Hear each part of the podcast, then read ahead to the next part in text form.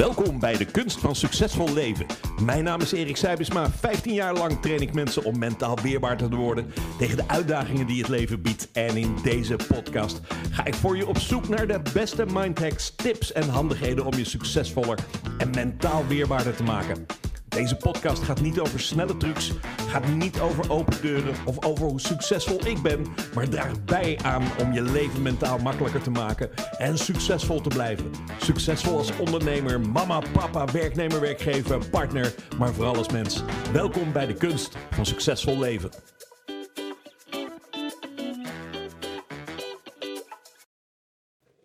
Yes, welkom weer bij een nieuwe aflevering van de podcast De Kunst van Succesvol Leven. Mijn naam is Erik Seibesma en ik ben een van de mastertrainers van de NLP Academie.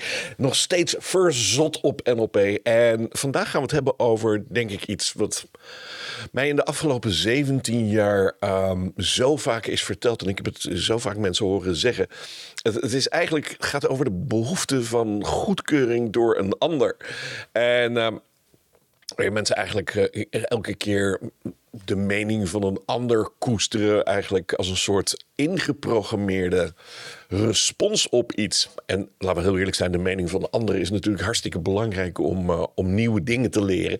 Maar als je alleen maar dingen doet om de goedkeuring van een ander te krijgen of uh, je waardigheid te verdienen, dan uh, begint het toch soms wat ongezonde trekjes te krijgen. Dus uh, ik dacht bij mezelf van, nou weet je wat, ik, misschien wel eens handig om uh, het in deze podcast nou precies over die behoefte te hebben. Want uh, veel mensen streven dus naar die goedkeuring van anderen. of het nu van familie is, of van vrienden, of van collega's. wat we in ieder geval weten is dat dat streven, dat, dat die behoefte aan goedkeuring kan leiden tot, uh, tot stress, uh, door onzekerheid en, en door een gevoel van onvoldoende waardering krijgen. Je voelt je niet gezien, je voelt je niet gehoord. En nogmaals, dat, kan soms echt een keer zo zijn. Uh, maar sommige mensen zeggen wel opvallend vaak: ik voel me niet gezien of ik voel me niet gehoord. Nou, het zou natuurlijk, uh, zoals ik al zei, echt wel eens een keer zo kunnen zijn. Maar uh, sommige mensen lijken dat elke keer te hebben op een of andere manier. En, en dat is geen zin zo natuurlijk. Dus in, deze podcast um, dacht ik van laat ik dat. Um, laat ik dat gewoon eens uitleggen hoe dat kan. Er zijn natuurlijk altijd meerdere verklaringen voor, voor aan te wijzen. Dus het is niet een alwetende podcast waarin uh, maar één oorzaak kunnen, kunnen neerleggen. Um, maar wat we in elk geval wel weten is um, dat de behoefte, om die behoefte aan goedkeuring te overwinnen, uh, vaak helemaal niet zo makkelijk is. Uh, sommige mensen zeggen: Ja, joh, weet je wat, maakt mij nou uit uh, wat een ander zegt, boeit mij helemaal niet. maar als je dat heel belangrijk vindt, dan ja, kun je misschien rationeel wel zeggen: van ja, dat boeit me niet, vind ik niet interessant, zout op. maar ja, als het in je gedrag nog steeds voorkomt en het geeft je gewoon een slecht gevoel, dan, uh, dan ja, sta je toch mooi te kijken naar al die mensen die, uh, die aan, de, aan de kant staan en roepen van houd toch eens op met dat gezeur. Uh, dus, dus we leven ook in een maatschappij waarin die sociale verwachtingen een belangrijke rol spelen. ouders, docenten en social media. In social media zie je vaak de meeste, en het is al vaak besproken onderwerp, zie je vaak de meest mooie mensen, de meest uh, intelligente mensen, de meest slimme mensen, de meest rijke mensen. Uh, how to get rich in four hour by dropshipping, bijvoorbeeld. En uh, zonder daarin te laten zien hoe hard je daar nog steeds voor moet werken. En dan zie je alleen maar Lamborghini of een mooie sportauto. En dan denk je dat dat de norm is geworden. En, en nou ja, als je dan die norm niet haalt, dan voel je je weer een loser. En dan ben je weer, nou ja, alles wat je zelf kunt bedenken. En um, dat leidt natuurlijk ook uh, tot uh, ja, steeds meer een grotere behoefte aan, aan goedkeuring. Of aan te zorgen, ja, hoor ik nou bij de groep waar ik toe wil behoren? Uh, dus, dus die maatschappij die, die zet ons ook een heel klein beetje onder druk om, om die bepaalde verwachtingen na te leven. En, en dus goedkeuring te ontvangen. En dat kan, dat kan dus leiden tot allerlei fysiologische reacties, zoals hartkloppingen, paniek, zweten, verhoogde bloeddruk. En, ehm, en, en bovendien kan die zoektocht naar goedkeuring, dat, dat continu dat willen, maar, dat willen hebben van die goedkeuring, ons ook belemmeren om na te streven wat wij belangrijk vinden. Uh, en, en onszelf echt te uiten. Uh, ik, ik ken zat mensen die al nou ja, 60 jaar lang hebben gedaan wat andere uh, mensen graag van hen uh, verwachten. Uh, terwijl ze het liefst eigenlijk gewoon een dierenasiel wilden, wilden starten om voor weggelopen honden te zorgen. En dat is trouwens werkelijk verhaal. En um, het kan dus, dus buitensporig, buitensporige um, dingen aannemen, maar ook gewoon ja, buitensporige consequenties hebben. Nou, waar komt die die zucht naar goedkeuring nou vandaan? En er is één verklaring voor in, in het midden van misschien wel heel veel andere verklaringen. Maar er is eentje me altijd wel bijgebleven. Omdat uh, ik die zelf ook wel een heel klein beetje herken. Um, en het is dus als, als je in een familie opgroeit waar, uh, waar soms wat uh, rommel en wat hommeles aan de gang is. Dan, dan heb je als kind vaak maar één neiging. dat is een beetje in je schulp kruipen en, en je een beetje comfort geven. Uh, soms gaf, uh, gaven mijn ouders uh, me dan maar gewoon een snoepje, een lolly of weet ik veel wat. En dan, nou ja, dan voelde ik me wel weer comfortabel. Dan was het wel weer oké. Uh, maar gezien de omstandigheden uh, was het eigenlijk helemaal niet oké. Als we dat nu in het licht zouden, zouden zetten van uh, onze huidige normen, dan zou het echt helemaal niet oké zijn. En, en je leert daar op een of andere manier is dat, dat wanneer er eigenlijk rommel en, en, en is in huis, is om jezelf te, comfort te geven en, en, en een heel klein beetje weg te kruipen. En um, nou weet je, vaak krijg je dan, uh, dan wat snoep. En vaak als je dan wat snoep begint te nemen, uh, dan zou het zomaar kunnen zijn dat je snoep hebt gekozen om je, je enigszins lekker te voelen. En dat merk je natuurlijk ook weer op latere leeftijd. Of uh, je, je probeert een heel klein beetje te zorgen, is dat je die rommel en dat gelazer in dat huis een heel klein beetje ja, probeert te vermijden door je zo goed mogelijk te gedragen. En door langzamerhand, het begint er langzamerhand in te sluipen om goedkeuring te vragen, al is het maar met een schuin oog, uh, om te zorgen is dat de hel niet losbarst. En, uh, en, we zijn als kinderen natuurlijk enorme sponsen van, uh, van, uh, van, van, van, van wat we nog moeten leren. Dus we leren ook vaak heel veel nuttige dingen, maar vaak leren we van gedrag van andere mensen vaak ook de foute dingen. En juist dus om elke keer naar je ouders te kijken en al is het maar met dat schuine oog om goedkeuring te krijgen, zorg ervoor is dat je eigenlijk jezelf voor een groot deel begint weg te cijferen. Nou, uh, elke andere variant uh, die er, uh, die er van. die er ook bij zou kunnen komen, of welke andere verklaring je ook zou kunnen zoeken, is eigenlijk een beetje een afgeleide van. Je hebt ergens geleerd in, in je vroege jeugd, is dat eerst goedkeuring vragen voor iets en in ieder geval voor zorgen dat je uit de problemen bleef. En dat is best oké. Maar als je daarmee op latere leeftijd jezelf helemaal begint, uh, begint weg te cijferen, wordt het gewoon heel vervelend. En kun je dus nooit, um, zoals die uh, mensen dat soms noemen, authentiek worden. En dat is denk ik toch, uh, toch ondanks dat ik misschien een wat hekel heb aan het woord authenticiteit of authentiek zijn. Antiek is, is authentiek. is het toch wel handig om, om jezelf te leren kennen en op een gegeven moment je eigen normen en je eigen overtuigingen uh, uiteindelijk uh, te laten prevaleren boven datgene van een ander. Nou, de vraag is nou altijd, natuurlijk altijd van. Maar hoe overwin je dan die behoefte aan goedkeuring? En ja, daar zijn natuurlijk verschillende dingen voor, uh, voor nodig. en de eerste wat echt nodig is, is bewustwording van je eigen gedachten en emoties. Nou, en dat is al, denk ik, een, eh, een uitdaging zat. Omdat als we gewoon in, uh, in zeg maar, de dag aan zich, uh, zijn we eigenlijk niet altijd ons even bewust van wat we denken of wat we voelen. Nee, we doen het gewoon. En, en soms kun je zo in die gedachten verstrikt raken, dat het lijkt alsof het de werkelijkheid is geworden. We gaan helemaal mee in die gedachten. We, we, doen bijna exact wat we tegen onszelf zeggen. En um, dat leidt daar eigenlijk voor, is, is, door, is, is dat je gedrag gaat doen wat misschien niet zo lekker is. En juist daarom is het handig om dus bij tijd, uh, bij tijd en wijle bewust te worden van je eigen gedachten en je eigen emoties. Dus, dus we moeten onszelf ook gaan vragen stellen over wat onze echte motivatie is, wat onze waarden zijn. En, uh, en nagaan of we bepaalde dingen doen om goedkeuring te krijgen, of omdat we het echt willen. Ja, wil je nou naar Spanje toe of wil je misschien gewoon naar Singapore? Want dat is wat je namelijk echt ambieert. Want je hebt ooit een boek gelezen over Singapore.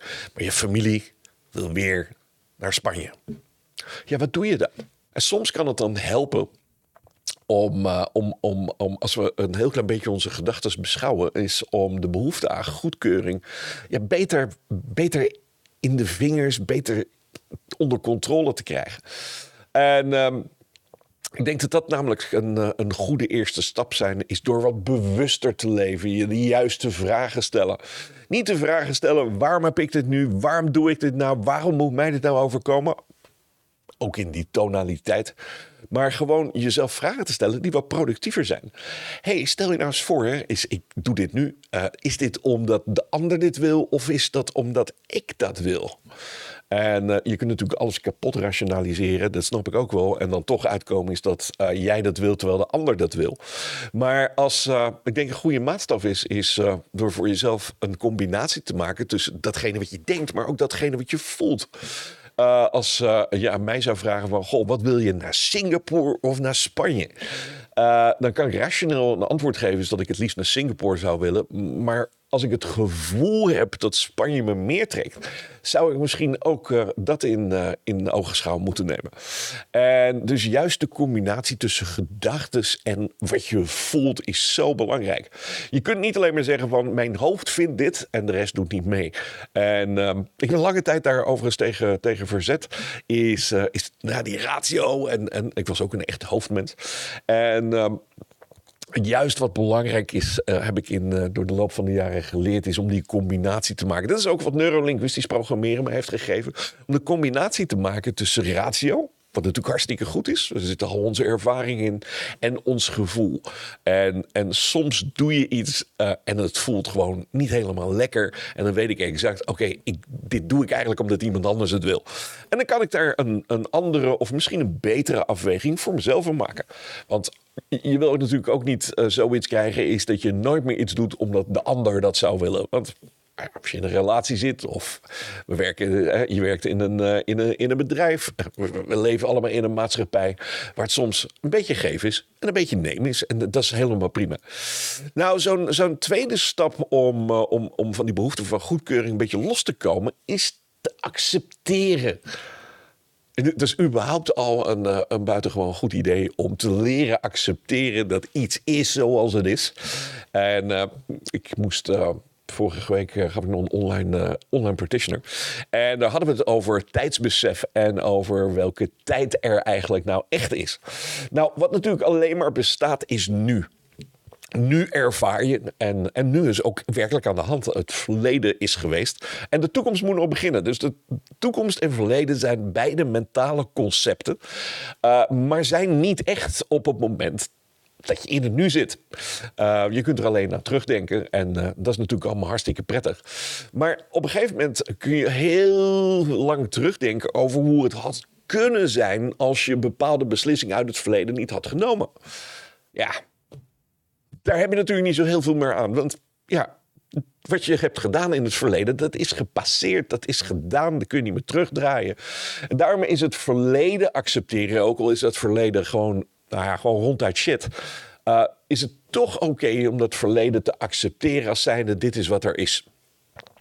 En, en dus accepteren we uh, ook een heel klein beetje wie we zijn. We hebben onze zwakke punten, we hebben maken allemaal fouten. We doen soms mega domme dingen. Maar we hebben natuurlijk ook gewoon onze hele sterke punten. We hebben heel veel talenten. En, uh, en, en, maar je wil wel accepteren dat je ook die fouten de kanten hebt. En juist te accepteren dat het is zoals het is. Dat je bent daar waar je hoort te zijn. Um, en, en nogmaals, uh, waar je nu bent, of je dat nou leuk vindt of niet, is een resultaat van alle beslissingen die je in het verleden hebt genomen, bewust of onbewust. En, uh, en die kun je niet meer terugdraaien. Dus het is wat het is. Zit je in vervelende omstandigheden, accepteer dan eerst: oké, hier ben ik door als resultaat van mezelf terechtgekomen. En natuurlijk, daar hebben andere mensen eh, een invloed op gehad. Daar hebben omstandigheden een invloed op gehad. Maar het heeft weinig zin om je, om je weerstand te geven over waar je bent. Want dat is nou eenmaal zo. Uh, beter is dus om je breincapaciteit aan te wenden om te kijken van hoe kan ik hieruit? Of hoe kan ik dit anders doen? Dus ook, ook die acceptatie van jezelf over wie je bent met, met dus die zwakke kanten en die positieve kanten, helpt je om je eigen waarde te versterken. Je bent zoals je bent en dat is mega cool. En dat, maar dat meen ik ook trouwens echt oprecht. Uh, er zijn geen zwakke of, of gekke of slechte mensen. Uh, ze doen alleen slecht gedrag, dat dan weer wel. Uh, maar je, je, bent een geweldig persoon. En, en juist om die omstandigheden waar je dan in zit of waar je dan nu bent, misschien niet zo zijn zoals jij ze zou willen hebben, maakt je niet Maakt je niet minder. Maakt je trouwens ook niet meer. Dat is ook weer waar. Uh, dus, dus het helpt om je eigen waarde te versterken en om, uh, en om jezelf beter te waarderen. Zonder afhankelijk te zijn van de goedkeuring van anderen. Want die voegen daar namelijk niks meer aan toe. En een beetje de cliché-uitspraak: je bent goed zoals je bent is eigenlijk wel waar. Als je dat accepteert, kun je ook gaan bouwen aan beter, aan meer. En dan bedoel ik met meer kennis, meer ervaring. Zodat je een beter persoon wordt in de zin van: hé, hey, ik, ik sta mezelf toe meer ervaring te hebben die ik wil. Nou, je kunt natuurlijk ook allerlei, uh, allerlei oefeningen doen uh, om, uh, om, om juist los te komen van die goedkeuring van anderen. En uh, je kunt doen door meditatie, mindfulness. En uh, er zijn mega goede apps in, uh, in omloop die dat voor je zouden kunnen doen. Die je dus leren om die emoties en die gedachten te beheersen. Ik denk dat een van de meest belangrijke dingen is die mensen kunnen leren. Los van alle vaardigheden, is hoe ze dus beter met dat brein kunnen omgaan. Het brein wat allerlei gedachten creëert, wat allerlei gevoelens creëert. En waarvan we eigenlijk leren, of misschien beter nooit geleerd hebben, is dat dat eigenlijk niet iets is waar je 24 uur lang per dag naar moet luisteren. Je kunt ervan loskomen. Emoties zijn geen commando's of instructies. En gedachten nou ja, je moet ze maar eens afvragen of ze allemaal waar zijn. Dus vandaar die betere vraag aan je stellen. Dus, dus, dus meditatie en mindfulness kan je helpen om los te komen van die gedachten. En dus ook je behoeftes om, uh, om, om goedkeuring, aan goedkeuring te verminderen. Omdat je de oefening krijgt om je gedachten wat minder serieus te nemen. En, uh, en af en toe ook schandalig om te kunnen lachen. Um, stel je maar gewoon eens een keer de vraag en plak hem maar overal ergens op een spiegel. Alles wat je denkt, bij alles wat je denkt, hoe weet je dat? Gewoon om eens echt wat dieper in te zoomen op je eigen bewijstheorie over waarom dingen zijn zoals jij denkt dat ze zijn. Het zou zomaar kunnen zijn is dat het volledig anders is. Dus, dus, dus, dus, dus die gedachten onder controle houden en die emoties onder controle houden, is denk ik een van de meest fantastische vaardigheden die je kunt, uh, kunt leren met behulp van de NLP. Natuurlijk ook met behulp van allerlei andere dingen. Uh, maar als uh, je dan toch de kunst van succesvol leven wil leren, is dit een van de kunstdingen die je echt zou willen leren en ook zou willen beheersen. Uh, het zorgt voor een beter eigenbeeld. Het ontwikkelt een groter zelfvertrouwen. En, uh, en, en je durft ook wat meer risico's te nemen in de zin door nieuwe dingen uit te proberen. Of, uh, of ja, iets, iets te doen wat je misschien nog nooit hebt durven doen, omdat anderen zeggen dat je dat beter niet kunt doen. Of omdat je daar toch niet goed in bent. Nee, samenvattend is het overwinnen aan, uh, goedkeuring is een, uh, is, een reis die begint dus met bewustwording.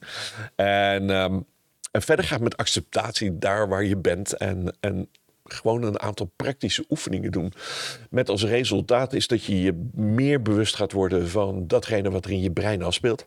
Welke gedachten er allemaal zijn welke gevoelens het allemaal oplevert. En tegelijkertijd jezelf de vraag te blijven stellen, elke keer, hoe weet ik dit? Hoe weet ik dat dit waar is? Hoe weet ik dat dit klopt? Hoe weet ik dat mensen dit denken van me? Heel vaak eh, bedenken mensen, ja, maar ze vinden. Hoe weet je dat? Ja, dat denk ik. Heb je het wel eens gevraagd? Nee. Ja, zo zie je altijd als je niet weet wat andere mensen denken, vul jezelf maar wat in. En dat is ook niet heel fijn. En uh, het is dus belangrijk om te realiseren dat dit een proces is. En het heeft wat tijd nodig om, uh, om de resultaten te zien. Maar als je eenmaal die reis hebt ingezet, is er geen weg meer terug. En zul je merken, is dat er binnen een aantal maanden een significante verandering optreedt. Dus uh, ik zou zeggen, aan de slag. Je hebt geen goedkeuring van mij nodig om te starten. Je mag direct starten. En, uh, en kijk eens hoe het met je gaat. En uh, na verloop van tijd, door alleen maar de vragen te stellen. Hoe weet ik dat het waar is? En te accepteren daar waar je bent, waar je bent. Het is zomaar de beste plaats waar je zou kunnen zijn.